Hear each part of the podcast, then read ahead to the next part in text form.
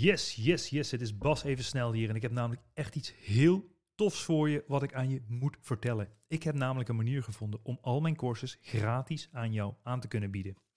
Ik heb meer dan 54 miljoen euro omzet gedaan in de e-commerce. Dus van wie leer je nou liever? Een guru die een auto huurt in Dubai of iemand die meer dan 10 jaar winstgevend is in de e-commerce? Als je liever niet van de guru leert en bewijs wilt zien van de 54 miljoen euro omzet, schrijf je dan gratis in voor al mijn trainingen op basdeeltuit.nl. Ik heb hier niks te verkopen. Je krijgt gratis toegang tot mijn unieke dwarsmethode. Al mijn e-commerce courses, gratis 1 op 1 coaching en een gratis ticket voor het e-commerce kickstart event waar ik jou alles van A tot Z ga uitleggen hoe jij een succesvolle e-commerce business kan gaan opzetten. Alles is letterlijk gratis. Er zitten hier geen addertjes onder het gras.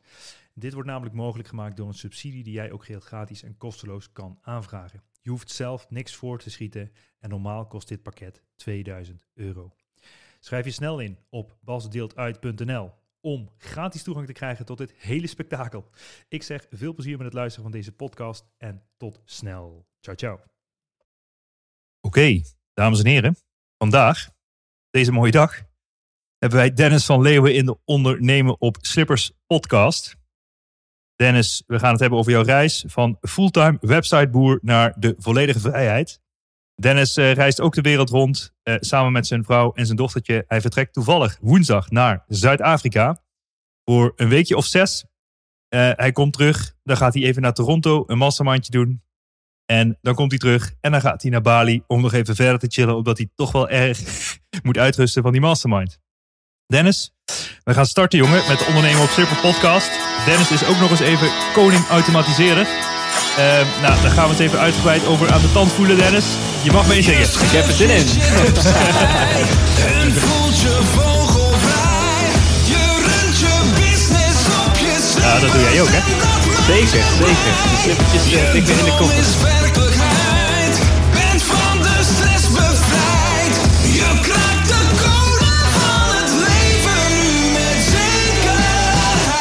Ja, Dennis. Top man. Superleuk dat ik jou eh, mag interviewen. Ehm, ja. Ehm, welkom. Dankjewel, dankjewel. Ik heb er zin in. Ja, eh, misschien eh, voor de luisteraars die jou nog niet kennen. dat zijn natuurlijk vrij weinig. Maar vertel even kort over jezelf. Wie je bent. Ga ik doen, ga ik doen. Nee, ik ben Dennis van Leeuwen. Ik ben, nou, Bas zei het straks al eventjes. Ik ben begonnen als webdesigner.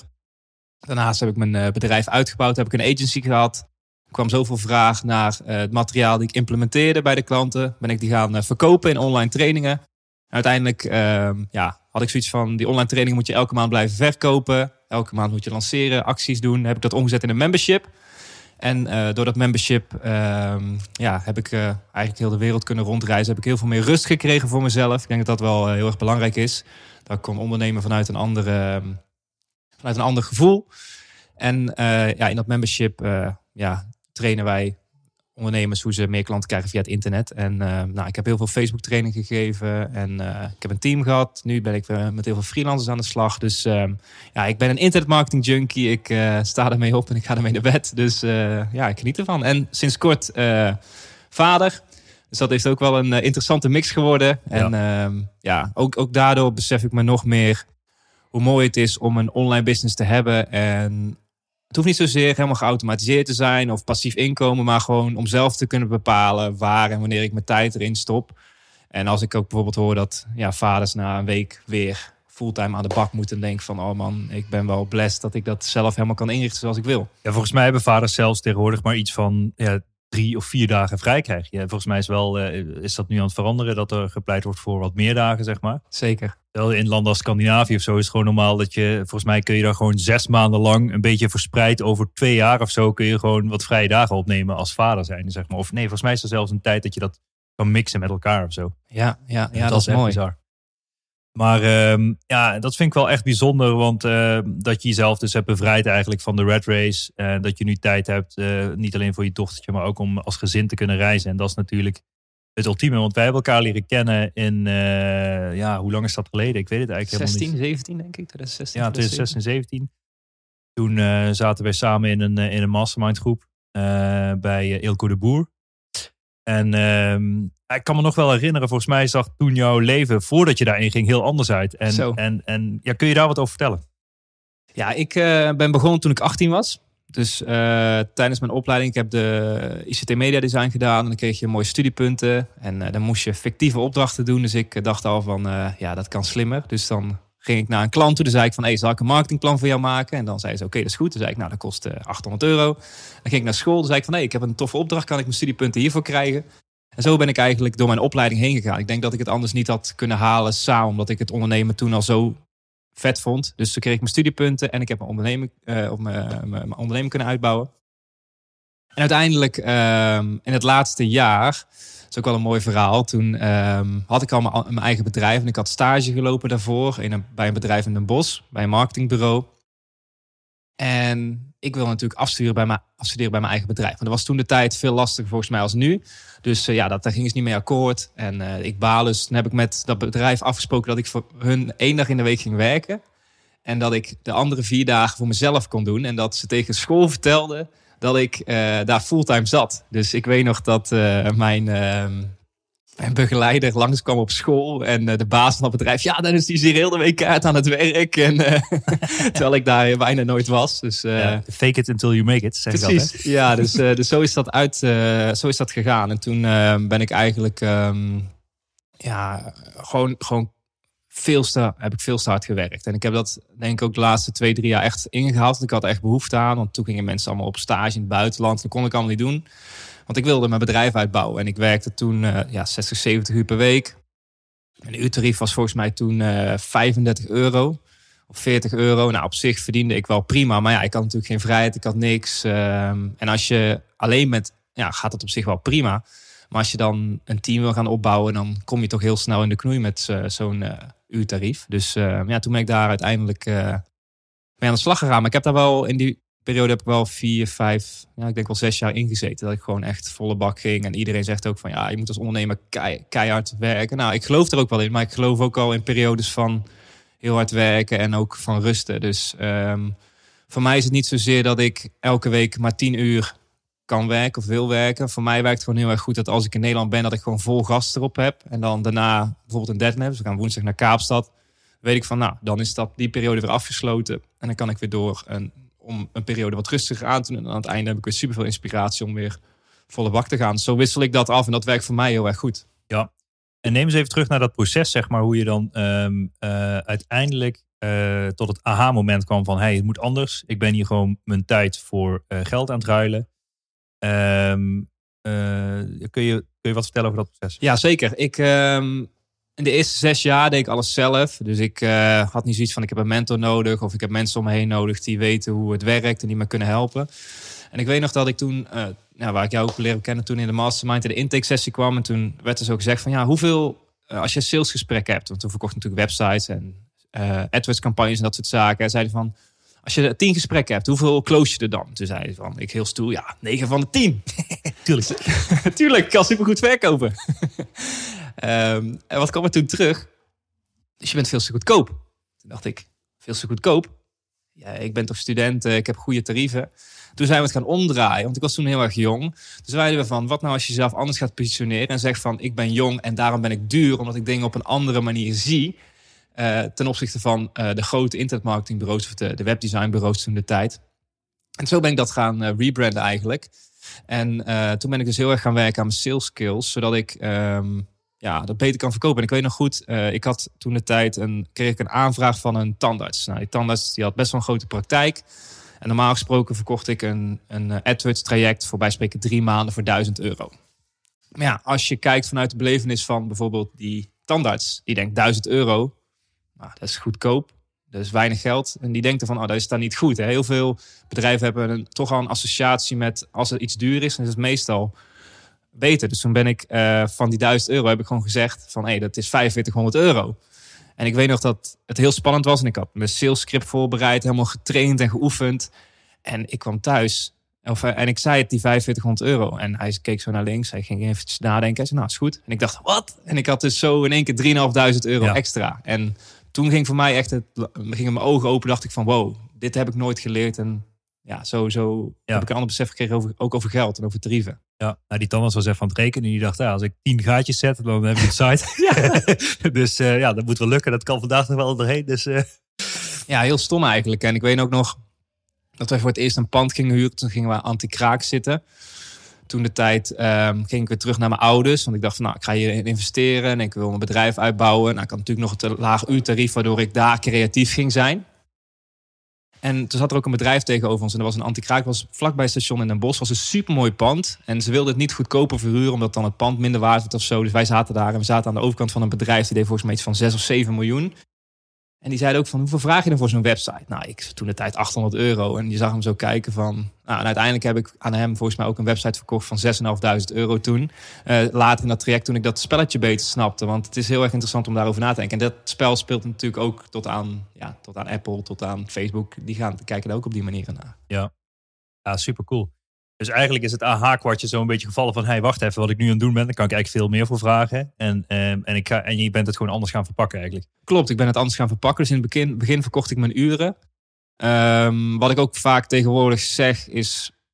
Heel veel ondernemers willen allemaal magisch online geld verdienen en automatiseren, terwijl er nog niet zoveel binnenkomt. En soms kan het ook gewoon heel erg simpel zijn. Want ik weet bijvoorbeeld nog toen de tijd, ik had altijd genoeg werk. Want wat ik deed is, als ik uren over had, pakte ik mijn telefoon, dan schoot ik een videootje. Zei ik van, hé, hey, ik ben nu bezig met dit en dit. Eh, kan ik voor jullie ook implementeren? Ben ik ongeveer tien uurtjes mee bezig. Eh, is dat oké? Dan deed ik dat aan vier, vijf klanten. En eh, nou, had ik meteen weer 20 of 30 uur verkocht. Dan zat ik weer vol. Dus dat werkte heel erg goed. En ik denk dat heel veel ondernemers dat nu ook al kunnen doen. Omdat ze het allemaal willen automatiseren en via online wil doen. Dus hey, pak gewoon die telefoon op. We hadden het toen straks ook nog over het doen van sales calls. Zeg maar strategie sessies. Kunnen misschien straks ook nog wel op, verder op induiken. Maar ehm, wat ik wil vertellen is dus... eh, toen ben ik inderdaad eh, de prijzen gaan verhogen. Toen kwam er opeens veel meer marge binnen. Dat ik ook gewoon echt goede spelers om me, mensen om me heen kon gaan inhuren. Om me mee te helpen. Om een bedrijf uit te bouwen. Ik kon een pand gaan huren. Eh, dus eerst was het uurtje factuurtje. Nou, de uurteprijs ging daardoor heel veel meer omhoog. En toen ben ik het gaan verkopen als projectprijzen. Dus ik verkocht eerst bij spreken nou, 10 uur per maand of zo. En Oh, is dat mijn telefoon die afgaat? lijkt Oké, het wel op, hè? Ja, ja, ik ga hem even uitzetten. Maar de, eh, praat maar even door. Ga ik doen. dus, ehm, dus die projectprijs gingen we dus mee aan de slag. Eh, dus wat, wat ging ik doen is ging het verpakken. Dus eh, ik had zoiets van, nou, ik kom bij die klanten die willen een oplossing hebben om internetmarketing te doen voor het hele jaar. En dan ging ik het als een jaartraject verkopen. Dus van uurtje factuurtje ging ik naar jaartrajecten. En ik weet nog heel goed dat ik toen bij de eerste keer bij een klant om tafel zat. En dat ik zei van, nou, eh, dit en dit is mijn dienst. Eh, dus op, in wat- het verschil in de verkoopgesprekken die ik eerst had, was dat het eerst altijd ik aan het woord was. Dus dan vroegen ze van, hey, hoe kunnen we meer klanten krijgen? En dan ging ik eh, praten over AdWords, SEO en websites en WordPress, noem maar op. En in mijn, tegenwoordig in mijn verkoopgesprekken laat ik natuurlijk de klant praten. Van wat zijn problemen zijn, dan ga je doorvragen, doorvragen. Had ik een mooie pitch voorbereid. Dan zei ik van, nou, ik had toen geleerd om eh, de prijs te noemen. En dan moest je stil zijn. Nou, dat is op zich prima aan de telefoon. Maar als je bij iemand zit, dan is dat nog spannend. Dus ik zei, nou, dus dat eh, kostte 12.000 euro voor een jaar. En eh, dus was 1000 euro per maand. En ik dacht, dat was echt voor mij zoveel geld toen. En eh, ik weet nog, die eerste klant zei, die, die keek zo naar links, naar zijn partner en naar rechts. Oké, laten we het doen. Ja. En toen had ik, ik geloof in eh, vijf of zes weken tijd, verkocht ik eh, zeven trajecten van die 12.000 euro. En die werden dus, eh, de meeste werden in vier maanden betaald. Dus ik wist opeens niet van, er kwam overal geld binnen. Ik had geld om te investeren, om mezelf te trainen. Toen dacht ik van, wow. En ik weet nog, volgens mij mijn derde gesprek, want ik, ik had toen een hele grote investering gedaan in een trainingstrek waar ik in zat. Toen woonde ik nog thuis, ik heb mijn kantoor gehuurd. Toen kwam ik bij mijn vader thuis, na het derde gesprek. En ik zei, en hij zei van, je hebt hem toch niet weer verkocht, hè? Ik zei, ja, ik heb hem weer verkocht. Toen had ik hem dus verhoogd naar 1500, dus gingen we naar 18.000 euro. En ehm, dat heeft mijn ogen wel helemaal geopend. En dat is wel een heel mooie stap om dat ja, daarin Ja, eh, te gaan veranderen. En ook heel erg te werken aan je sales skills. Want ja, daarin verkoop je natuurlijk ook eh, jezelf. zeker ja. Blijf investeren in jezelf. Maar op dit moment heb je dus gewoon zodanig voor elkaar dat je redelijk vrij bent geworden. ehm, en dat je je leven op je eigen manier kan leiden, zeg maar. Daarvoor zit natuurlijk nog een, heel, een hele reis. Ehm, de vraag die ik meestal stel aan eh, de mensen die ik interview. Eh, om een beetje te kijken wat belangrijk voor je is. eh, wat zou je doen als je nog maar drie maanden te leven hebt? Ehm, nou, dan, dan zijn het de drie maanden die ik voor me heb. En eh, ik denk dat dit soort podcasts ook een hele mooie evaluatie zijn om te kijken waar je staat. We zijn altijd wel heel erg bezig met de toekomst. Maar als ik vier, vijf jaar geleden mijn ideale leven zou uitschetsen, dan is dat wat ik op dit moment aan het doen ben. Kijk, ik ga naar Kaapstad. Tussendoor kom ik weer eh, terug. Dan hebben we, heb ik een productlancering. Daarna ga ik nog een week met een mastermind eh, naar Toronto. En dan vliegen we door naar Bali. Ja, weet je. ehm, Beter wordt het niet. Nee, ja, precies. Voor mij is dat in deze levensfase perfect. Want Amy is natuurlijk nog jong. We hebben nog vier jaar voordat ze naar school gaat. Eh, kan het misschien nog rekken tot vijf. Maar misschien...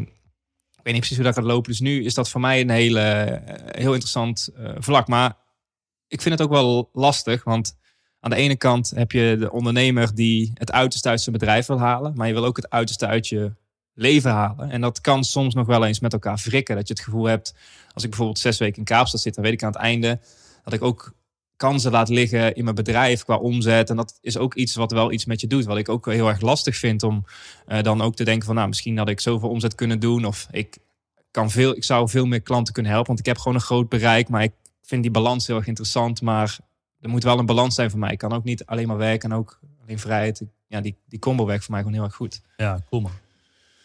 Super inspirerend. Eh, maar kun je ons even nog naar, eh, voordat je eigenlijk ging ondernemen, eh, eh, brengen? Want, eh, wat, wat heb je alweer gestudeerd? ICT Media Design. En daarvoor heb ik eigenlijk de HAVO gedaan. Maar eh, ben je direct na je opleiding dan voor jezelf begonnen? Of hoe zag de, eigenlijk de struggle voordat je ondernemer werd eruit? Dat vind ik wel interessant om te weten. Ehm, ik denk, nou, ik heb een jaar bouwkunde gedaan. En ik vond bouwkunde echt leuk. Dus ik, had me, ik kwam mijn 17 was ik eh, met mijn HAVO klaar. De jaar daarvoor heb ik echt gewoon als een dolle gegamed. Echt gewoon anderhalf jaar lang. Welke spellen dan? Counter-Strike, Counter-Strike. en een beetje World of Warcraft. Maar daar ben ik nooit zo ver in gedoken. Maar Counter-Strike en met clans. En ik ging naar België en naar toernooien en noem alles maar op. Ik, eh, als ik iets doe, dan eh, doe ik het goed. Je all in? Al in? Nou, dat ken jij wel, denk ik. dus, ehm, maar we waren, ja, dus, dus toen ben ik, ehm, heb ik bouwkunde gedaan.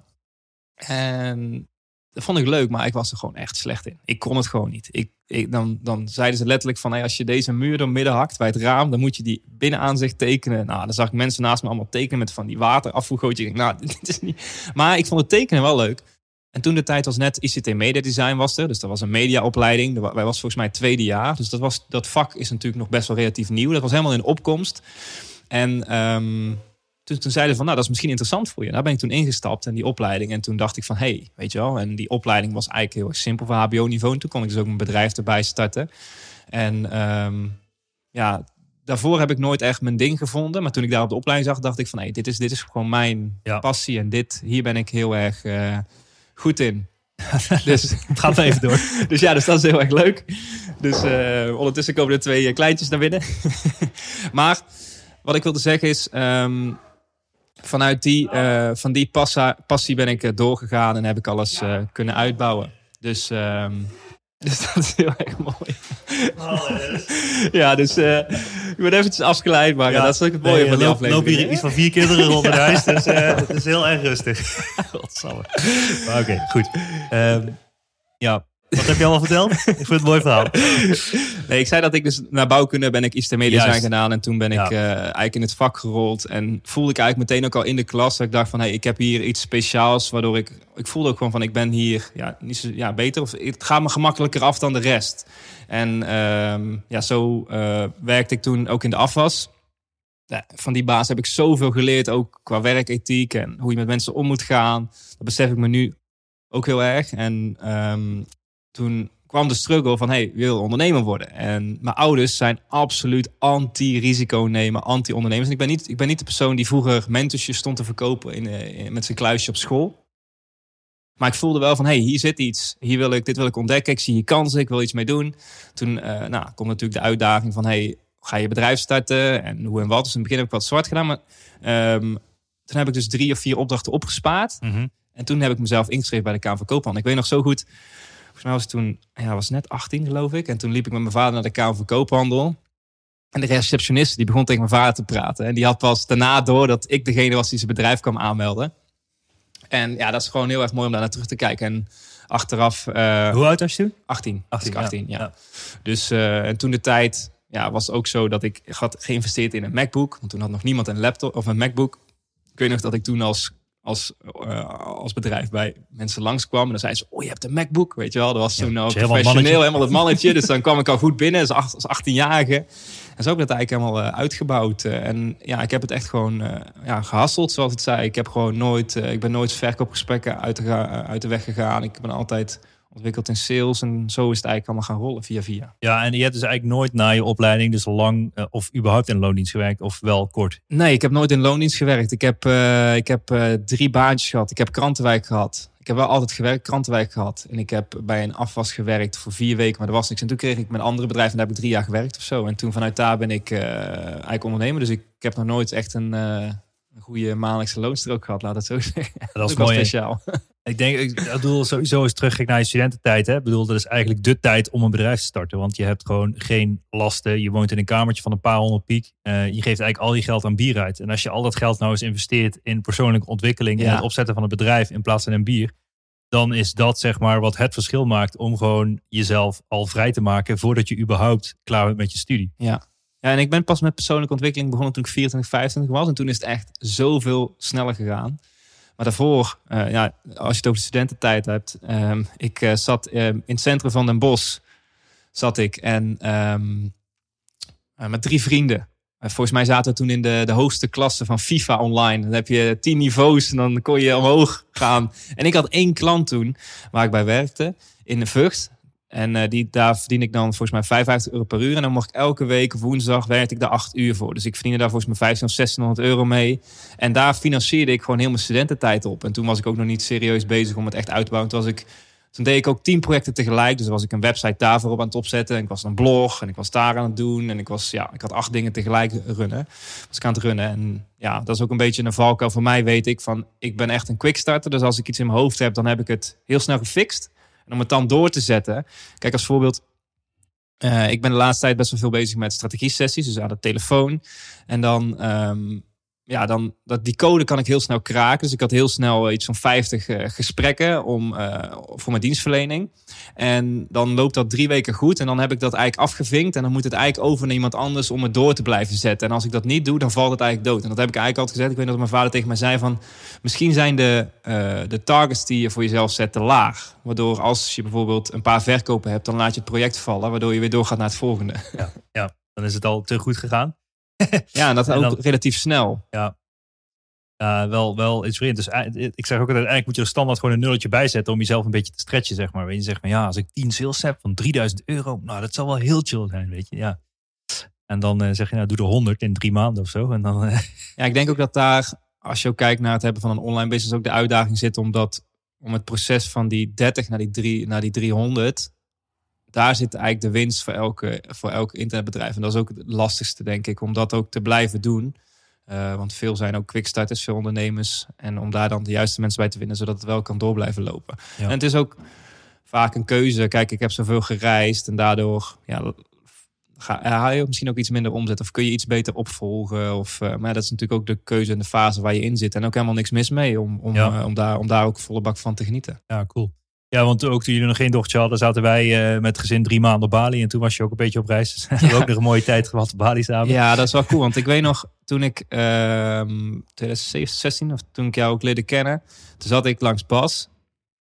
En ik was zeg maar degene die in een colbertje naar bij spreken bijna niet meer in zijn colbertje naar afspraak gaan. Hij zat nog zat op zijn slippers bij spreken. Toen ook al, hè? Ja. Jawel, toen ook al alleen En maar een t-shirt. En een t-shirt, zwart t-shirt. Ja. En er zat zo'n gast naast me en die, eh die praten, eh, wat, hoe zeg je het ook alweer? Een, ehm, Wat? Over het leven, je hebt zo'n mooie quote erover. Tijd is leven. Ja, tijd is leven. En Ja. ik zat naast hem. Ik denk, ja. En ik was alleen maar kaarten aan het werken. En ik denk, er is er ook wel iets meer.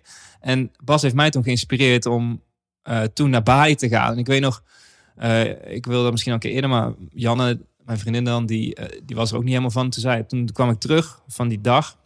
Dat was voor mij een hele mooie mastermind dag. En toen belde ik Janne op in mijn hotel. En ik zei van, ja Janne, er zit zo'n gast naast me. En het lijkt me ook gewoon tof om dat gewoon te gaan doen. Zullen wij gewoon in mei een maand naar Bali gaan? Nou, Bas had daar toen, toen toevallig ook. En toen zei ze gewoon ja. En ik weet nog dat ik bij spreken bijna van mijn stoel afviel. en dat is letterlijk de eerste maand dat ik zonder mijn laptop ben weg geweest. En toen had ik zeven jaar mijn bedrijf, zeven en half. En toen was, heb ik voor het eerst een maand lang niet gewerkt. En dat heeft voor mij zoveel veranderd. Mijn business liep gewoon door. En juist omdat ik wegging, ging ik allemaal dingen doen om het goed in te richten. Want ik merk nu ook, ik ga woensdag weg. Dus ik ben continu bezig van, hey, staan mijn trainingen voor de komende periode goed? Eh, zitten de juiste mensen op de juiste posities? Eh, heb ik is de klantenservice, heeft hij de juiste processen zodat ze door kunnen blijven gaan? En als ik die deadline niet zet, dan blijft het maar een beetje doorappen. Maar nu wil ik gewoon, ik wil gewoon niet gestoord worden als ik daar weg ben. En eh, dat zorgt gewoon voor dat ik dingen ook beter voor elkaar krijg. Super vet. Ja, dat is echt eh, een mooie ride, zeg maar. Ook dat je dan het, het soort van het licht ziet en eh, in één keer het wel 100% naar je eigen wensen inricht, zeg maar. Dat is gewoon super vet om te zien. En dat vond ik ook weer interessant, want ik dacht altijd van ik ben geen reiziger. Ja, klopt. Ik weet nog de eerste keer dat, wij, dat ik jou sprak. Ja. Vroeger kwamen, ja, want ik kwam toen net terug van een wereldreis van twee jaar. Ik zeg, ja, wil je ook nog een keertje op reizen? Lijkt dat je wat? Ja, ik weet het niet. Ik, volgens mij was dat een beetje Ja, antwoord. klopt. En ehm, ik dacht ook echt dat ik geen reiziger was. Maar dat is ook een beetje wat ik mezelf vertelde. Altijd omdat ik al zo hard heb gewerkt. Maar open zei altijd van, ja, je moet druk zijn. Ondernemen veel werken. Druk, druk, druk. En dat is een beetje wat je meekrijgt eh, in de media. Eh, maar dat vind ik ook heel interessant. Dat je vaak overtuiging hebt voor jezelf. Van, nee, ik ben een avond- of een ochtendmens. Of eh, ik ben wel of niet goed in verkopen. Dat is ook maar iets wat je allemaal kunt ontdekken. En kunt kijken van, hey, waar zit de stretch? Maar vertel ik tegen mezelf wat ik wel of niet ben, wil zijn. En eh, Ja. daarin heb ik ook al heel veel dingen van. Ja, als mensen mij van tien jaar geleden zeiden, ja, Dennis die zoveel aan het reizen is, dat had ik nooit verwacht. Weet je? Ja. Want je zei net, vanaf je 24ste zeg maar, ben je veel meer eh, tijd en geld gaan stoppen in persoonlijke ontwikkeling.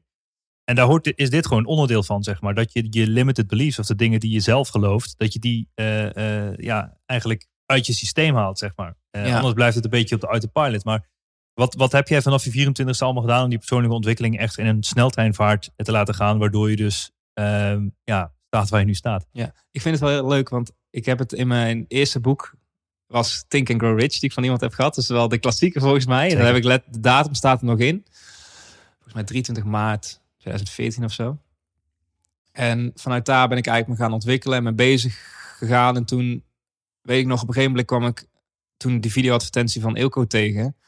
En op een of andere manier werd ik daar gewoon naartoe gezogen. Ik weet niet hoe het kwam. En alles in dat proces leek gewoon alsof het voor mij dat moment de juiste stap was. Weet je, de, de vragenformulieren.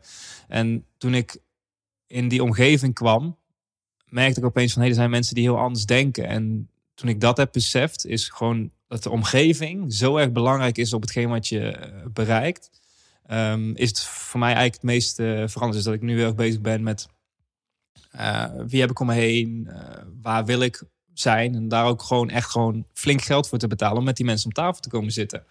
En dat is gewoon heel erg interessant. Ik denk dat dat wel een van de dingen is wat het echt heeft gekickstart. Dus gewoon mijn omgeving veranderen. Juist. Ze zeggen wel vaker, jij bent het gemiddelde van de vijf mensen waar je het meeste mee omgaat, zeg maar. En ik geloof daar ook heel erg in. Dus je bent die omgeving gaan veranderen. En ehm, weet ook, volgens mij is het ook wel eh, iets wat eh, Ilko de Boer heel vaak zegt. Hij zegt van ja, vaak begint het gewoon met een transactie. Ja. En in dit geval is het een transactie om mee te doen in, in een eh, soort van mastermind groep. Ja. En daar heb- kreeg je in één keer een hele andere omgeving. En naarmate je daar meer mee bent op gaan trekken, zeg maar, is je eigen gemiddelde, om het zo maar te zeggen, Ja. een stuk veel, veel verder omhoog gegaan. ja, je wordt gewoon geïnspireerd en je krijgt verhalen mee hoe anderen dat doen en inzichten. En vroeger was ik heel erg dat ik alles opschreef en mee bezig was. En nu probeer ik gewoon een paar nuggets eruit te halen en ehm, te kijken van hoe kan ik dat toepassen. Dus in het begin was ik bij spreken zo'n jong hondje, die, eh, zo'n puppy die alles zag en overal naartoe hupte en alles mee bezig was. En nu probeer ik gewoon mijn dingen eruit te pakken die voor mij eh, nu passen. En een voorbeeld was, toen de tijd was het heel erg eh, om minder te gaan werken. Dus dan hadden we zo'n schema gemaakt dat je dan bijvoorbeeld om half, om vier uur stopte met werken. En dat was dan een beetje zo'n trend in de groep en dat ging iedereen doen. En ik was 25, 24. Ik, ik had zoiets van ja. En ik ging om vier uur, deed ik mijn laptop dicht, ging naar huis. Dat ik thuis zo zenuwachtig met mijn benen weer heen te wippen, weet je wel. En denk van ja, fuck it, ik wil gewoon werken, weet je wel. En eh, dat, dat, dat is ook wel iets dat je echt gewoon goed moet kijken naar jezelf. Voel ik van hey, dit is hetgeen wat het nu bij mij past. En daarop in te gaan en ook niet te kijken van hey, is dit een trend of dat een trend. Eh, want je gaat snel ook weer, je kan ook weer te snel erin ja, verdrinken, verzuipen, Ja. zeg maar, in, in dingen die mensen doen. Ik zei ook al heel snel, ja, bedoel, het is ook wel een, een, een learning van mezelf van de afgelopen jaren. Dat je gewoon dicht bij jezelf moet blijven staan en je eigen kernwaarden moet definiëren en daar continu naar handelen. En ik vind jou wel een klassiek voorbeeld van iemand die dat al jaren doet. Weet je, en je weet ook hoe de keerzijde was. Ik bedoel, als je al kijkt, waarschijnlijk, eh, misschien kun je daar wat meer over vertellen, over je stressniveau, zeg maar, toen je die business had. Dat je gewoon een uurtje factuurtje moest schrijven, omdat je anders gewoon je hypotheek niet kan betalen of je huur of wat het dan ook was. En hoe dat nu dan eruit ziet, is gewoon een wereld van verschil. En ik, ja, ik bedoel, ik kan me voorstellen dat je eh, in de huidige fase waarin alles loopt en je kan reizen, dat je dan de dingen onder controle hebt. En ik denk dat dat een belangrijk woord is, controle en, en eenvoud van je business. En je bent echt een klassiek voorbeeld van iemand die dat gewoon continu heeft, naar mijn idee dan. maar Ja, ja en ik, vond, ik vind dat ook wel lastig. Want soms heb ik ook ondernemers om me heen die bij spreken eh, tien keer zoveel omzet doen. Maar ik kies inderdaad heel, voor om, heel erg voor mijn eigen weg te kiezen. Maar dat heeft me ook wel veranderd omdat ik, ja, bij spreken, volgens mij, ik heb mijn membership gestart, dus 2,5 jaar geleden. En daarvoor leg, kort, leg even kort uit wat het Ja, membership is dus eh, het marketing powerhouse. Dus krijgt de, de mensen die lid zijn, die krijgen elke maand een marketingtechniek van 10 tot 15 minuten die ze direct kunnen implementeren om geld te verdienen in de business. Daar hebben we ook een, eh, een nieuwsbrief bij. De, een beetje de uitgeschreven versie, die krijgen ze dus elke maand. En toen ik die ging lanceren, kwamen daar al snel een paar honderd man in. En toen merkte ik van, hey, er komt elke maand die 10k kwam binnen. Daarvan, want was 49, het is 49 euro per maand. En daardoor ging ik andere beslissingen maken in de dingen die ik ging doen. En daarvoor was ik eigenlijk continu aan het lanceren. Want ik was mijn Facebook training aan het verkopen. Internet marketing training voor 400, 500. Dan voor 275, dan een keer 1000. Maar elke maand begon ik weer op nul. Waardoor ik elke keer dat opgejaagd gevoel kreeg. Waardoor ik niet echt, eh, bijvoorbeeld ook niet echt aanwezig kon zijn bij Janne. Dus ik was altijd druk in mijn hoofd en altijd bezig om dat op te schalen. En nu, omdat die omzet gewoon binnen blijft komen, kan ik, kon ik ook meer genieten van het reizen. Eh, kon ik daar ook veel meer aandacht geven aan Janne. Want het is ook heel mooi hoe het bij ons samen gaat. Want het is Jannes grootste droom was om moeder te worden. En het membership heeft bijvoorbeeld ook voor gezorgd dat wij een buffer, een dikke buffer konden opbouwen. Waardoor Janne nu eh, fulltime mam is. En dat we weten van, we weten wat de komende maanden binnenkomt. Waardoor dat ook allemaal veel beter in elkaar zit. En dat is heel erg mooi dat we elkaar daar ook in kunnen ondersteunen. Dat ik mijn droom heb in mijn bedrijf.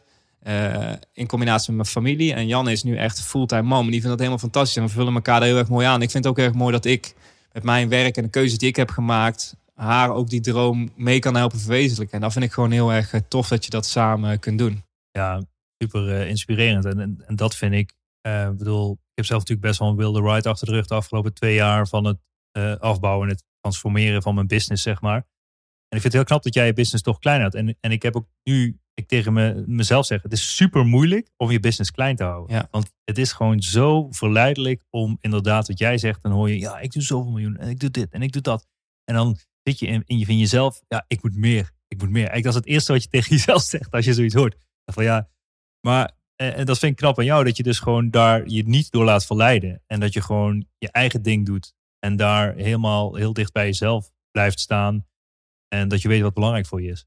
Ja, en ik denk dat daar ook wel een valkuil voor mij zit. Want ik vind internetmarketing gewoon echt genieten. Dus als ik, dit, als ik niet betaald zou krijgen, zou ik dit nog steeds doen.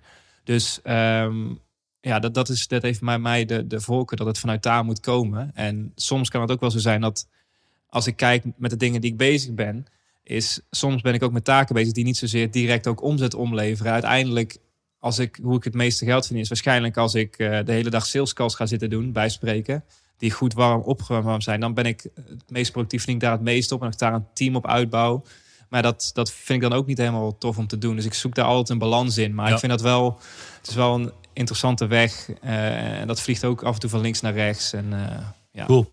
En, maar ik bedoel, ik ben benieuwd, wat is jouw definitie van succes? Ik weet niet, misschien heb je dat niet heel helder, maar ik ben wel benieuwd hoe je daar naar kijkt. Ehm, nou, ik heb er laatst over nagedacht. Ik heb een beetje gekeken naar mijn kernwaarden. En één onderdeel daarvan is vrienden en familie. Dus ehm, dat is eh, date nights. Ik vind het heel erg belangrijk om dingen met Jan te doen. Met Amy en met vrienden. Dingen te blijven organiseren. De andere kant ook mijn on- online business. Dat vind ik heel erg belangrijk, interessant om dingen over te delen. En eh, het stukje ja, vrijheid. Dus ehm, om te doen en laten wat je, wat je eigenlijk wil gaan doen. En daarmee bedoel ik ook, eh, ik, heb, ik heb een lege agenda. Ik heb geen zakelijk telefoonnummer. Ik heb vijf, zes e-mailtjes per week. En ik heb één of twee afspraken met mijn team per week. En dat is, zijn mijn verplichtingen. En dat, dat is voor mij gewoon succes. En als ik dat kan blijven uitbouwen, dan, en dat steeds op een hoger podium kan blijven doen, dan is het voor mij heel erg tof. En het hoeft niet zozeer te zijn dat ik, vroeger kop- koppelde ik mijn succes aan mijn omzet Mhm. Of je bankrekening. mijn bankrekening. Ehm, maar op een gegeven moment, wat ik heb gemerkt, als er op een gegeven moment een bepaalde buffer staat. eh, wij kunnen bijvoorbeeld twee jaar, hebben we gewoon apart gezet, omdat we dat fijn vinden. Twee jaar lang kunnen wij blijven leven zonder als we nu niks meer zouden kunnen verdienen. Ja, when the shit hits the fan. Precies. eh, en ik ja. weet, dat is investeertechnisch niet het beste wat je kunt doen. Maar het geeft ons, mij en Janne, zoveel rust. Dat ik af en toe ook een opdracht kan laten lopen. Dat ik denk van, ja, weet je, nu zijn we hiermee bezig. En dat werkt voor ons heel erg goed. En dat is misschien ook weer tegenovergesteld wat iedereen doet. Die zegt misschien minder apart en die moet investeren, Ja. want het geld moet blijven groeien. Dat snap ik ook wel. Maar uiteindelijk is het ook gewoon heel fijn hoe je... Ja, dat is super vet. Want ik denk sowieso, als ik, ik heb er wel eens wat in het nieuws gezien. Ik weet niet exact de nummers, weet je. Maar ik denk dat de meerderheid van de mensen letterlijk van paycheck naar paycheck leeft. Hè. Dus die krijgen betaald en die geven dat ja, minimaal 90% van wat Ja. ze binnenkrijgen komt. En vaak hebben ze geld tekort. Geven ze gewoon uit. Ehm, eh, en, en ja, dat is dan dus de zekerheid die je dan hebt van oké. ook in mijn ideale wereld heb je minimaal zes maanden een soort van leefgeld apart staan. Dat is ook wat jij zegt, dat je dat dan rust geeft. Eh, maar er zijn ook veel mensen die gewoon struggelen om van het ene moment naar het andere moment te gaan, zeg maar. En, ehm, en, maar wat voor advies zou je dat soort mensen geven?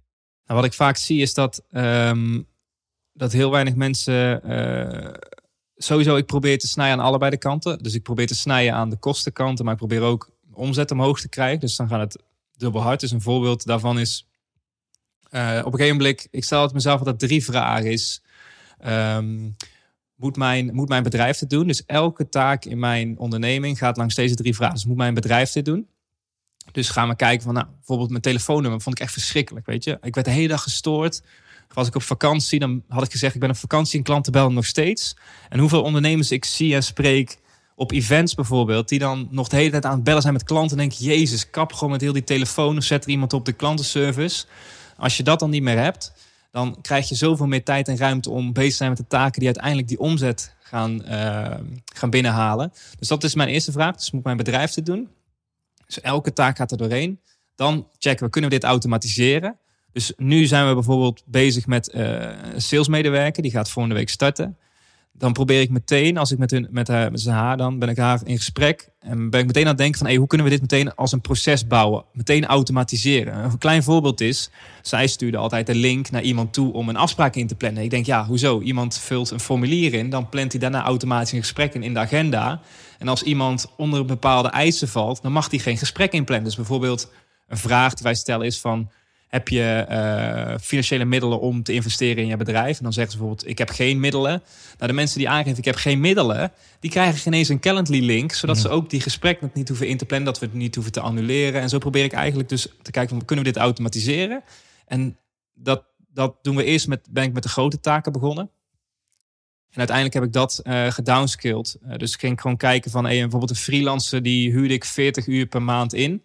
Dan kreeg ik een urenoverzicht. Dan was in categorieën ingedeeld. Dat ik van hey, hier zit 10 uur in. Hoe kunnen we die 10 uur gaan kleiner gaan maken? En dan gaat het bijvoorbeeld naar 2 uur. En op een gegeven moment kom je bij zulke kleine taken uit. Die bijvoorbeeld een half uurtje of een kwartiertje per week schelen.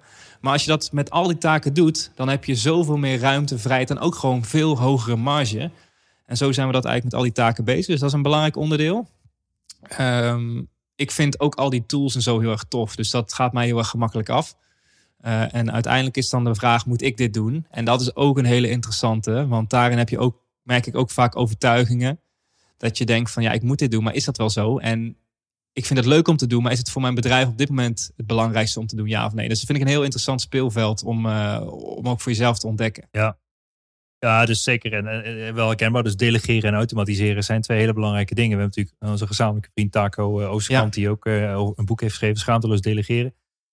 En ik geloof er ook in dat dat je business uiteindelijk zeg maar, op een hoog niveau zet. En, en ook in jouw geval heb je dus, ben je alles aan het optimaliseren. Dus als een freelancer normaal 10 uur inhuurt, denk je van, hey, hoe kan dat na twee uur door gewoon zes eh, automatiseringen toe te passen? Eh, en dat is ook de reden waarom je business eenvoudig en stabiel is met een minimale overhead, om het zo maar te zeggen. En Precies. Dat is vet. Ja. En je had het net ook over tools, zeg maar. Zijn er, eh, kun je daar iets kort misschien iets over zeggen? Misschien is het, ja, zijn er mensen die luisteren die denken van, hey, welke tools gebruikt Dennis nou die de basis van zijn business vormen, die ervoor zorgt dat hij dus gewoon het zo heeft ingericht? Ja, een van de belangrijkste tools. Wij gebruiken dan een Monday als projectmanagement tool. Dus ehm, ja, dat is redelijk simpel. Eh, kun je dingen instellen, maar ook bijvoorbeeld processen kopiëren naar de maand erop. Dus ik, daar werken we eigenlijk vanuit. Dus we hebben, we hebben eigenlijk twee tools. Dus dat is Monday, daar staat eigenlijk alles in. Na drie. En daarin staan linkjes naar simpele Google Docs documenten waar de processen in uitgewerkt zijn. En die evalueren we één keer in de zoveel tijd om te kijken van hey, de klantenservice, is die nog met deze taken bezig? Eh, of kunnen we procesdocumenten sneller maken, upgraden of weg laten vallen? Eh, en qua interne communicatie communiceren ze eigenlijk allemaal via Voxer eh, met mij. Dus dat is de enige manier om met mij in contact te komen. Eh, om dat op die manier uit te bouwen. Dus we hebben het eigenlijk heel clean En Voxer is een soort van walkie-talkie, toch? Precies, ja. Ja. Walkie-talkie app en eh, een soort van WhatsApp. Eh, maar ik wil bijvoorbeeld niet mijn zakelijke dingen in WhatsApp hebben. Ik wil alles gescheiden hebben. Dus mijn team weet ook, Dennis mag ik niet storen op WhatsApp. Puur probeer ik gewoon heel erg ja, waakzaam te zijn voor afleiding. Dus ehm, ja, Monday gebruiken wij heel veel. Ehm, ja, natuurlijk Zapier gebruiken we veel om te automatiseren Juist. en om dingen aan elkaar te knopen en Ja. eh, dat soort zaken. Maar bijvoorbeeld ook eh, nu bijvoorbeeld met, met de sales calls, dan eh, als de salesmedewerker bezig is, dan gaan ze gewoon online vult ze de gegevens in. Dan wordt er automatisch een factuur gegenereerd en doorgestuurd naar die persoon. En in plaats van handmaat, ja, ik probeer dat gewoon continu uit te denken Ja. hoe we dat kunnen doen. Hey, en jij bent ook, je zit ook vuistdiep in de chatbots. Zeker. Althans, dat is een van jouw passies, geloof ik. Eh, ik denk dat heel veel eh, mensen dat interessant vinden. Misschien kun je daar ook wat over vertellen. Hoe je, dat, eh, hoe je die opportunity ziet en hoe je dat aanpakt. Ja, ja, zeker. Dat ben ik het begin helemaal vergeten. We zijn zo Ja. vanuit de, vanuit Koning de baby's hierin gedoken. ja, precies. Nee, ik, ik geloof heel erg in, in messenger marketing, dus Facebook Messenger marketing. Dus we zien heel erg dat klanten en potentiële klanten het heel erg fijn vinden om te appen, om berichtjes te sturen, snel live chat met, met bedrijven. En ik kwam erop in het begin op achter dat ik had natuurlijk geen telefoonnummer meer. Dus op een gegeven moment was er wel een live chat functie. En ik merkte dat klanten mij via de chat gingen benaderen. Dus ik dacht, hey, dat is best wel interessant. Kan ik... En toen ben ik dat verder gaan ontwikkelen en kijken van hey, hoe kunnen we de chat nou gaan inzetten om ook daadwerkelijk klanten te werven. En wat ik in het begin, of wat ik veel ondernemers eh, de fout zie maken, is dat ze bijvoorbeeld met Facebook Messenger kun je berichtjes sturen naar mensen die op je Facebook Messenger lijst staan. En je moet je Facebook Messenger lijst een beetje, kun je een beetje vergelijken met een e-maillijst. Dus die kun je berichtjes versturen. Er zitten nog wel wat regels aan, maar daar kunnen we daar misschien nog wel op, op ingaan. Maar, ehm, en dat ze vervolgens met Facebook Messenger aan de slag gaan zoals ze e-mail gebruiken. Dus bijvoorbeeld, hey, kijk hier mijn blog. Hey, eh, hier heb ik een aanbod. En dat heel veel ondernemers gingen pushen via Facebook Messenger. En waar ik, ik Facebook Messenger heel erg, eh, waar ik heel erg in geloof, is dat Facebook Messenger een tool is om mensen bij een conversie, een conversie event te krijgen. Dus bijvoorbeeld om iemand aan de telefoon te krijgen, of om iemand op je webinar te krijgen, of om iemand ehm, een videotraining te laten bekijken. Dus hoe, hoe wij het bijvoorbeeld inzetten, is bijvoorbeeld op, eh, je hebt natuurlijk een weggever voor je bedrijf. Tenminste, ik hoop dat je een weggever voor je bedrijf hebt. Dus Ja, bijvoorbeeld, ja, dat is een soort van lead magnet, zeg lead maar. magnet, een pdf met een eh, pdfje mooie met tips of eh, om bezwaren te tackelen. En vervolgens zetten wij vaak op de bedankpagina nog een extra lead magnet, zodat mensen zich kunnen inschrijven op Facebook Messenger. Dus, dus bijvoorbeeld eh, iemand downloadt bij mij 150 Facebook content tips, dan komen ze op de bedankpagina en zeggen hey, ik heb nog iets tofs voor je. Klik hier op de button, hieronder op de button en dan krijg je ook de Facebook Messenger checklist. Nou, dan klikken ze op de button. En wat ik dan doe, is dan opent er een gesprek in Facebook Messenger zich Geautomatiseerd. geautomatiseerd. Precies. En eh, dat gesprek gebruiken we om de juiste informatie van de klant te krijgen. Dus wat ik dan letterlijk zeg is: hey, om je die checklist te sturen, wil ik je graag nog drie vragen stellen om het een en ander te personaliseren. Is dat oké? Dan zegt bijna 99% van de mensen zegt ja, dat is geen probleem. En dan stellen wij drie hele simpele vragen om te kijken wat de behoeftes en de bezwaren zijn van mijn potentiële klanten. Dus bijvoorbeeld de eerste vraag is van hey, wat is momenteel je grootste uitdaging met Facebook marketing? En dan zegt iemand zegt letterlijk, ja, ik heb problemen met mijn strategie opzetten. Of persoon B zegt, hey, ik heb problemen met opschalen.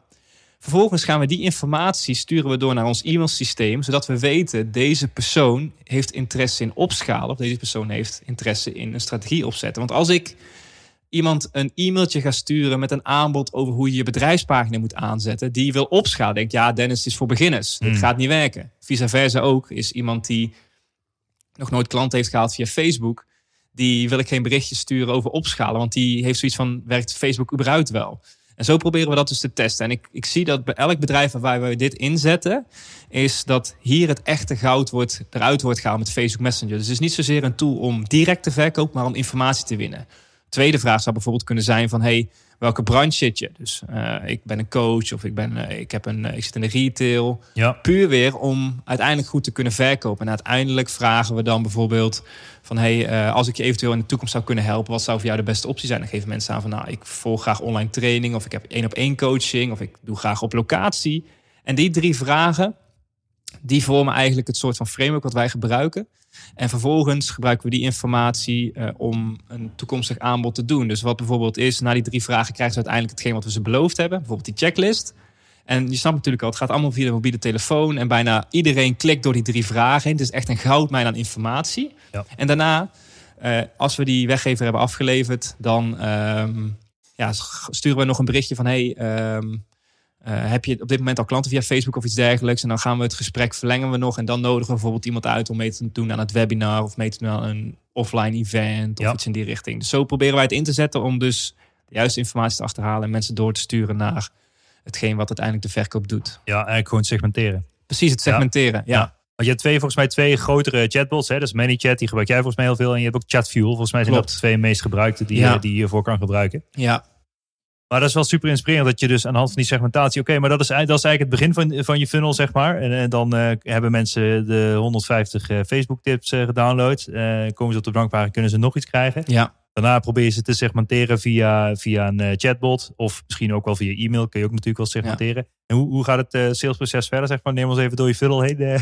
Komt-ie, komt-ie. Nee, ik heb, ik heb het fout in het verleden gemaakt. Dus dat ik het veel te ingewikkeld maakte. En dat ik allemaal automatisering had. En dan denk ik, als die dit doet, dan krijgt hij dat. En als die dat doet, en als die dan die pagina... En dat doe je dan voor de 1% van de Precies. mensen. En nou gooi ik wel gesegmenteerd. Ik gooi mensen gesegmenteerd op een hoop. Laat ik het, laat ik het zo zeggen. Dus wat ik doe, is als je kijkt naar... Stel je hebt 100 leads. Dus 100 mensen downloaden mijn weggever. Dan is er altijd een klein percentage van de mensen wat gewoon nu die pijn voelt. Van hey, ik moet, ik moet nu die omzet binnenhalen. Ik ga nu kopen, kopen, kopen. Als ik een probleem heb, dan kan ik letterlijk iets van 2000 euro kopen bij iemand die ik niet ken. Nou, volgens mij heb jij precies hetzelfde.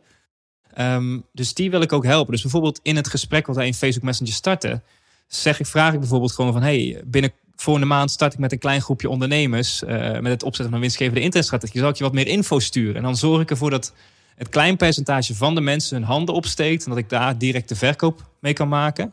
En daar probeer ik op in te spelen. Dus ik probeer altijd een klein eenmalig offer aan het begin te doen. En vervolgens ehm, heb ik eigenlijk een klein, klein welkomstfunneltje als het ware van drie of vier, drie mailtjes.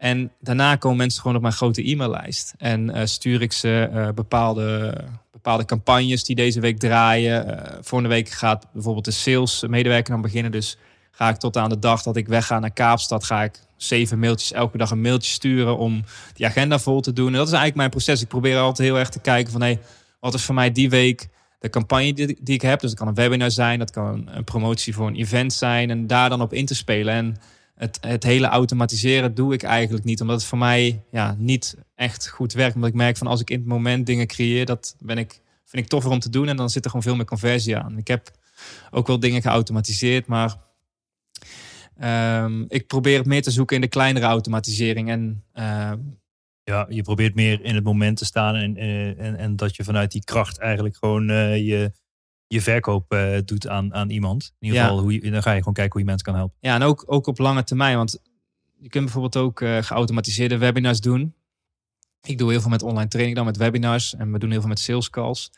Is, ja, je kunt het wel faken dat het, dat het live is. En het is ook heel interessant om daar op lange termijn ook over na te denken. En mensen typen dan toch zo van in de chat van is dit live? Typen ze dan. En dan het is toch gewoon het druppeleffect over de lange termijn. ehm, ja, wat dat toch bij mensen achterlaat. En dat vind ik wel interessant om over na te denken. Want soms kan het voor het moment voor jezelf heel fijn zijn om die geautomatiseerde sales op die manier binnen te halen. Maar uiteindelijk zitten we allemaal in, zijn we ondernemer om op de lange termijn nog steeds eh, in business te zijn. En het zijn, iedereen is wel, zijn gewoon mensen, weet je wel. Je kunt heel Ja. snel naar de nummertjes kijken, maar achter elk nummertje in je e-maillijst zit iemand met een verhaal, met een probleem, met ambities, met een familie.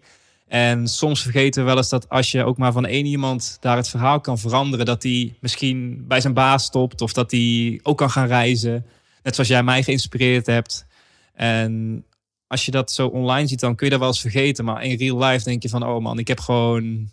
Ja, jij bent voor mij een hele belangrijke speler geweest om die stappen te maken. En als je kijkt waar ik nu sta, is dat gewoon super mooi. En dat vergeet je nog wel eens in het moment als je het wil automatiseren of zo. Tenminste, Zeker. zo voel ik dat heel erg. Ja, het draait toch allemaal om impact die je hebt eh, op je mensen. En het stomme is, en het, het, is heel raar. En nu zeg je van, eh, jij hebt ervoor gezorgd dat, dat, dat jij dat meer bent gaan reizen en toch ook wel meer die vrijheid bent gaan pakken. Dat je dat vaak helemaal niet ziet of voelt, weet je. Dat je gewoon jezelf veel, eh, je zet jezelf veel lager neer dan dat.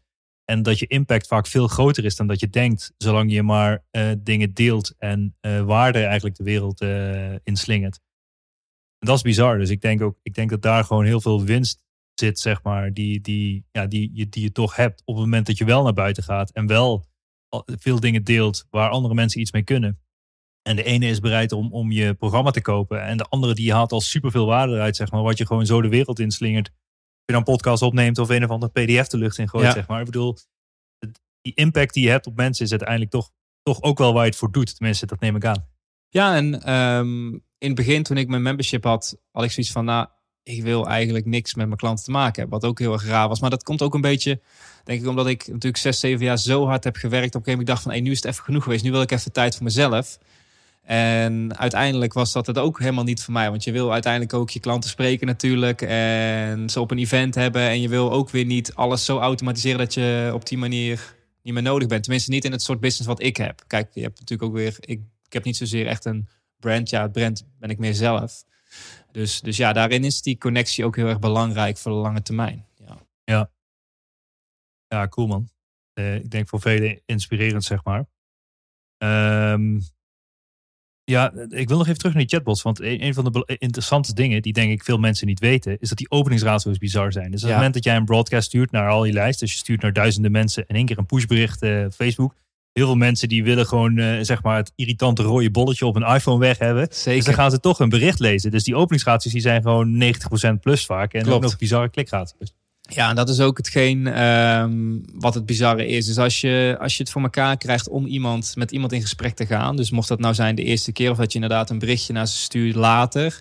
ehm, gewoon 95% van de mensen die met je in gesprek gaat, maakt ook gewoon het gesprek af. En ja, de klikratio's zijn gewoon, ehm, zijn gewoon bizar hoog. Kijk, mail mag je blij zijn als je 30% van de mailinglijst opent. Dan doe je het heel erg goed.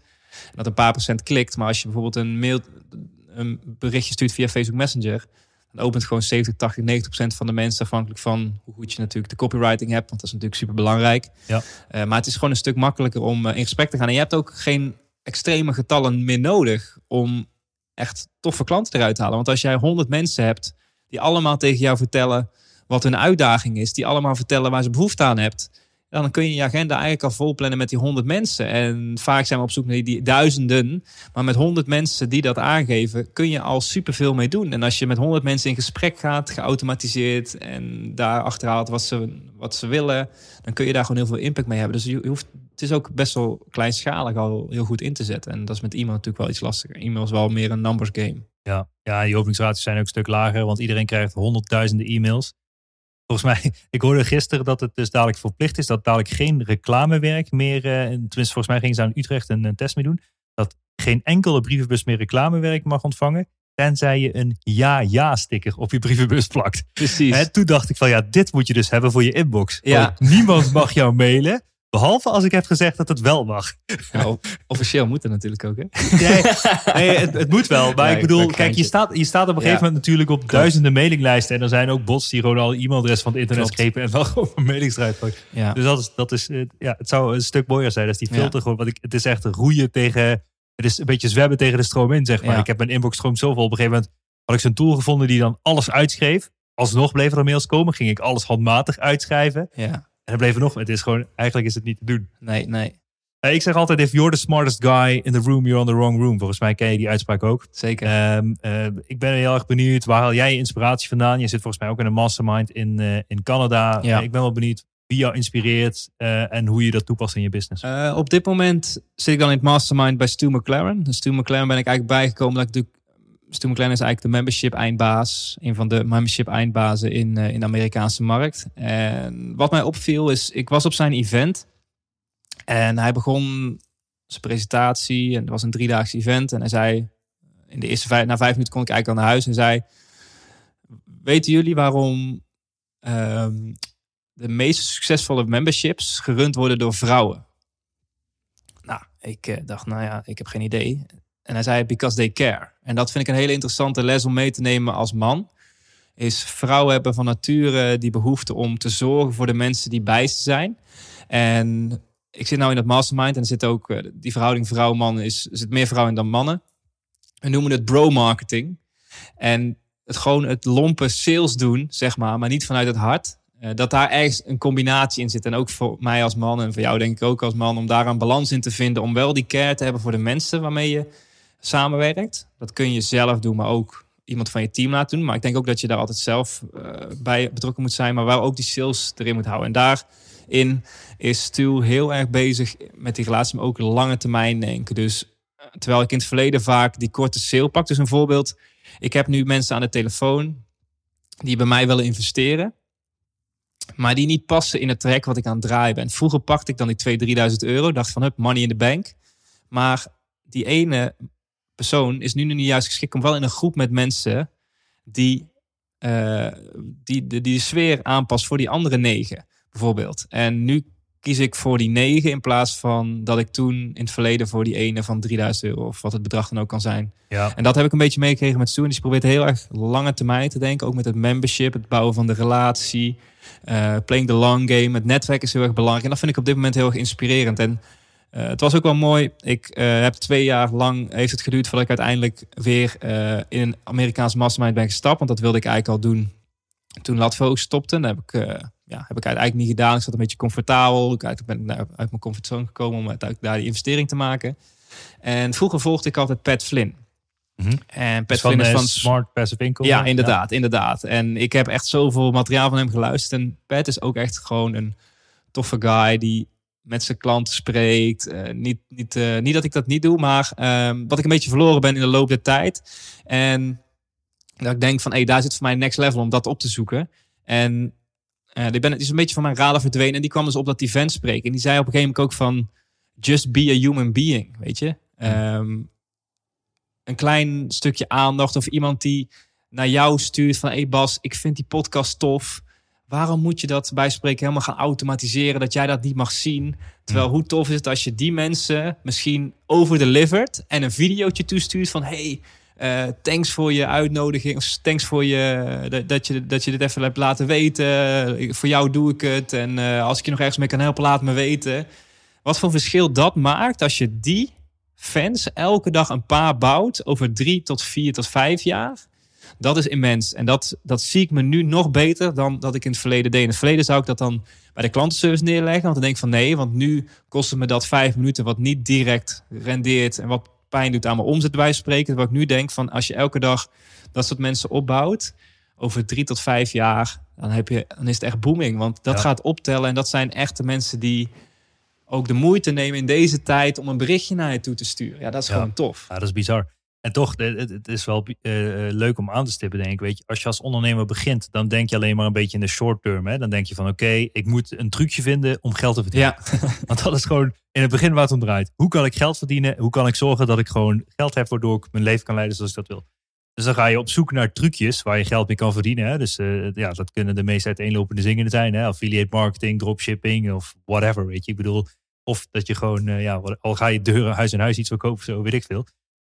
Maar en dan eh, is het interessant, en, eh, en ik herken dat heel erg, naarmate je dus verder in je businessproces bent en ook misschien wel verder in je persoonlijke proces, dan ga je dus veel meer nadenken van nee, wat ben ik nou eigenlijk aan het doen en is het, heeft het wel waarde voor de klant en, en dan ga je veel meer die long game spelen. Althans, ik hoop dat je die shift dan maakt. Ja. Dat je gaat nadenken van hoe kan ik de long game spelen, hoe kan ik zoveel mogelijk waarde blijven leveren aan de mensen die, die, ja, die, die klant bij mij zijn. Zeg. ja, ja, zeker. En ik voelde, bij mij was het eh, tweedeels een, de, de kantelpunt dat, ik, dat we die hele grote buffer hadden op onze rekening.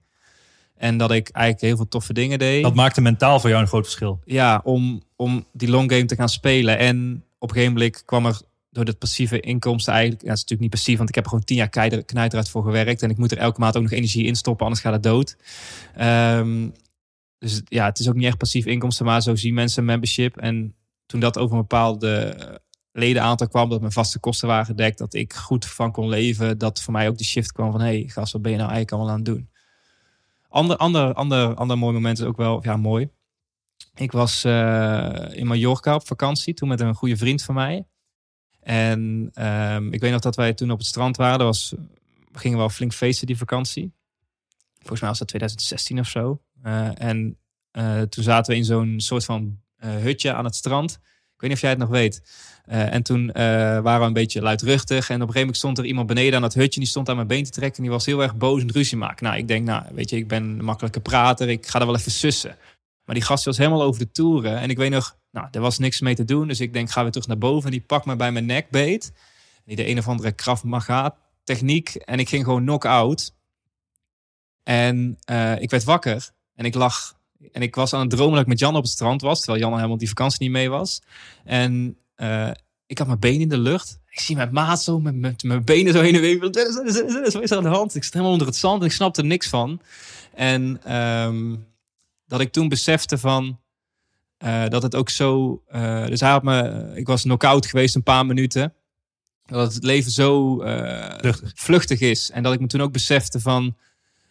Op mijn bucketlist, als we het zo noemen... Voor dat event stond bij spreken... eh, paragliden, bungee jumpen. En ik weet nog dat ik heb daar toen een presentatie over gegeven in een groep. Dat daarna het meer was van, hey, weet je, dit soort gesprekken of met vrienden dingen doen of echt aanwezig zijn bij, bij je vriendin bijvoorbeeld. Weet je, wij als ondernemers, ik merk dat zelf ook.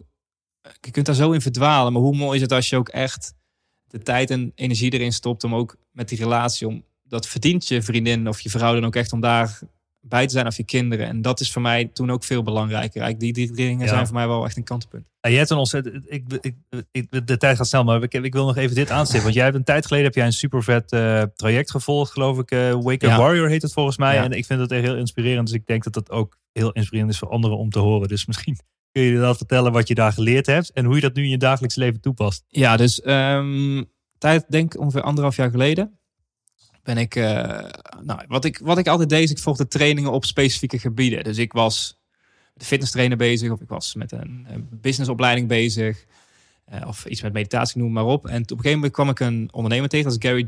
J. White. Ik volg hem nu niet meer, omdat het niet helemaal mijn stijl is, maar die heeft me toen heel erg geholpen. En die had een training waarin die op alle onderdelen je als beter als man ging maken. Dus dat was body, being, balance en business. Dus al die vier onderdelen gingen we mee aan de slag. En ehm, wat het was, hij, hij is sowieso een briljante marketeer. Dus daar zou ik sowieso eens even induiken wat hij doet. Maar hij noemde het de Brotherhood. En eh, er was een 30 dagen challenge waar je voor kon inschrijven. En dan ging je met heel de groep opdrachten doen. Eh, voor jezelf, voor je eigen ontwikkeling. En dat was totaal uit mijn comfortzone. Want dat waren, eh, het is voor married businessman. Dus eh, ik viel net niet in de categorie, want ik had nog net geen kleine. En ik ben toen nog niet getrouwd, maar ik zat tegen die categorie aan. En dan starten we met volgens mij 2000 eh, ondernemers. Die 30 dagen. En dan gingen we dus aan body, being, balance en business werken. En een van de dingen die ik bijvoorbeeld in de tweede week of derde week moest doen, is moest je gewoon eens schreeuwen. Nou, ik ben best, ik ben gewoon chill, rustig en ik had dat nog nooit gedaan. Dus ik, eh, ik weet dat ik Janne had gezegd van Janne, kun je even naar je ouders gaan, want ik moet even een opdrachtje doen. ja, echt fantastisch. Ik stond in de garage en ik heb mijn longen uit mijn lijf geschreeuwd. En ik voelde toen zo'n extra energie en kracht komen. En sindsdien voel ik me ook dat ik mezelf op dat vlak ook heel erg wil ontwikkelen. En ik heb Dus daar- word je elke ochtend om vijf Ja. uur wakker en uit te gillen. Ah, doe een kreet eruit. nee, maar daar leerde ik ook weer een hele andere kant van mezelf kennen. Dat ik denk van, hé, dit is ook best wel interessant. En uiteindelijk was dat niet helemaal mijn ding. Maar heb ik daar wel heel veel uitgehaald. Waardoor ik heel erg bezig ben om op al die vlakken elke dag aandacht te geven. Dus bijvoorbeeld wat ik doe, is ik schrijf elke dag. Ik, elke dag als ik opsta, nu nog steeds met die kleine... Eh, mijn ochtendritueel is wel een beetje veranderd ondertussen. Maar eh, dan is Jan even met Amy bezig. Dan doe ik 10 minuten mediteren. En ik schrijf elke dag een briefje naar Janne. Dat heb ik sinds dat traject gedaan. Want dan eh, wil je dus al die onderdelen body, being, balance en business elke dag aandacht geven. En ik schrijf nou denk ik al anderhalf jaar lang elke dag naar Janne een briefje. En probeer ik daar speciaal dingen te doen om ook echt Janne die aandacht te geven. En Dennis, wat heb je vanochtend geschreven dan? dat is een goeie. ik zal de softe versie geven. De softe versie. Oké, was hij zo pikant? ligt aan het thema, ligt aan het thema. Dat kan best wel eens eh, sowieso wel leuk om daar ook eens over te schrijven. ja. Maar ehm, volgens mij ging het vanochtend eh, over dat ik zo trots op de was hoe, eh, hoe ze alle dingen met Amy oppakt. En hoe dat dat ook gewoon eigenlijk een bedrijf runnen is. En dat ik zo fijn vind dat ik eh, daardoor tijd kan krijgen om ook mijn dingetjes te doen. En dat we daar verder op elkaar kunnen uitspelen. En dat we gewoon lekker moeten genieten van het weekend. Omdat we vandaag nou natuurlijk naar jou gaan met Claudia, met de kids. En morgen hebben we een verjaardag om daar ook gewoon echt van te genieten. En dat is dan gewoon een kleine post-it. Maar Ja, ja, ja. ehm, elke dag die energie daarin stoppen. En wat ik van het programma heb meegekregen is dat ik worstel, want ik had een lege agenda en ik worstelde elke dag om vroeg op te staan. En uiteindelijk heb ik daar ook met dingen gewerkt om te kijken van hey, waar zitten mijn overtuigingen. Eh, En sindsdien sta ik ook bijna elke dag half zeven op. Gewoon elke dag, sinds dat ik het programma heb gevolgd, elke dag heb ik discipline om s ochtends om half zeven op te staan. Wel mijn fitnessroutine te doen. En eh, en dat vind ik wel erg mooi. En ja, dat, ja, we zouden daar, ik kan daar nog een uur over eh, doorgaan. ja, maar ja, ja, maar goed, wat, wat het nu nog... Dit is al een tijd geleden dat je het programma gevolgd. Wat je nu nog toepast is dus het briefje ochtends schrijven voor Janne. je fitnessroutine. Discipline is het voor mij. Ik denk dat het, meditatie. Ik denk dat eh, die dingen zijn eruit gekomen dat ik nu gewoon een ijzeren discipline heb gekregen. Juist. Om ook die dingen te doen eh, die ik moet doen. En bijvoorbeeld niet tijd te gaan snoezen. Eh, Juist. Ik heb het dan over de winnende gewoontes, de winning Precies, habits. ja. eh, die je dan hebt. Die gewoon voor zorgen dat jij het beste functioneert als persoon in je business en de vier vlakken die je ja, ik heb daar nog wel een mooi boek voor. Dat heet The Slide Edge van Jeff Olsen. Die Ja. heb ik volgens mij al zes keer gelezen. En dat is ook een van de belangrijkste boeken in mijn persoonlijke ontwikkeling geweest. Om te lezen. En dat gaat inderdaad ook over de dingen die je elke dag doet. Die makkelijk te doen zijn. Maar ook makkelijk om niet te doen zijn. En het is op lange termijn heel erg makkelijk om één keer in de maand of twee keer, drie keer in de maand naar de Mac te gaan. Daar voel je niet zoveel van. Maar als je dat over 30 jaar bekijkt, dan is er wel kans dat je misschien minder lang leeft. Zeg maar. maar dat voel Ja. je niet zo direct in het moment. Ja, ja, ja, ik snap het. Ja, cool man. Nee, we kunnen inderdaad nog eindeloos eh, doorlullen volgens mij. Dus eh, ja, misschien komt er nog een eh, deel 2. Maar ehm, cool. Ehm, ja. Ehm, heb je nog iets waardevols wat je kan eh, uitdelen aan eh, degene die nu eh koptelefoon op heeft? niet, niet, niet mezelf, maar degene die dit luistert. Zeker, ik kan wel een mooi bruggetje maken. Want ik had toen straks over de 150 Facebook content tips en de 121 Facebook marketing tips. Mhm. Dus die zou, ik, die zou ik op een pagina beschikbaar kunnen stellen. Dat, ja, dat zijn gewoon e-boekjes.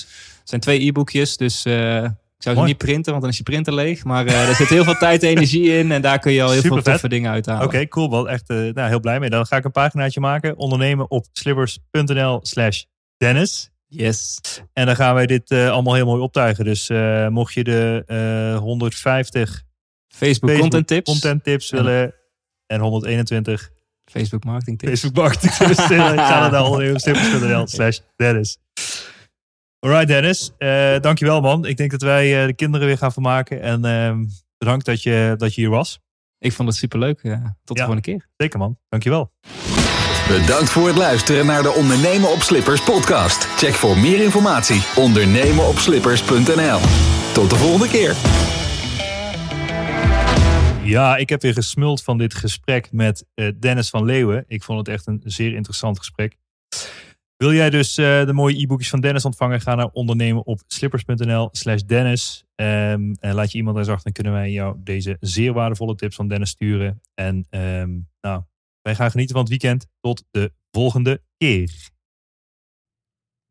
Dit was toch een onwijs gave episode. Laten we eerlijk zijn. Ik vind het onwijs tof. Mocht je nou waarde vinden in deze episodes, check dan ook eventjes mijn LinkedIn, Bas Eurlings. En geef mij gewoon even een persoonlijk berichtje wat je van deze podcast vindt.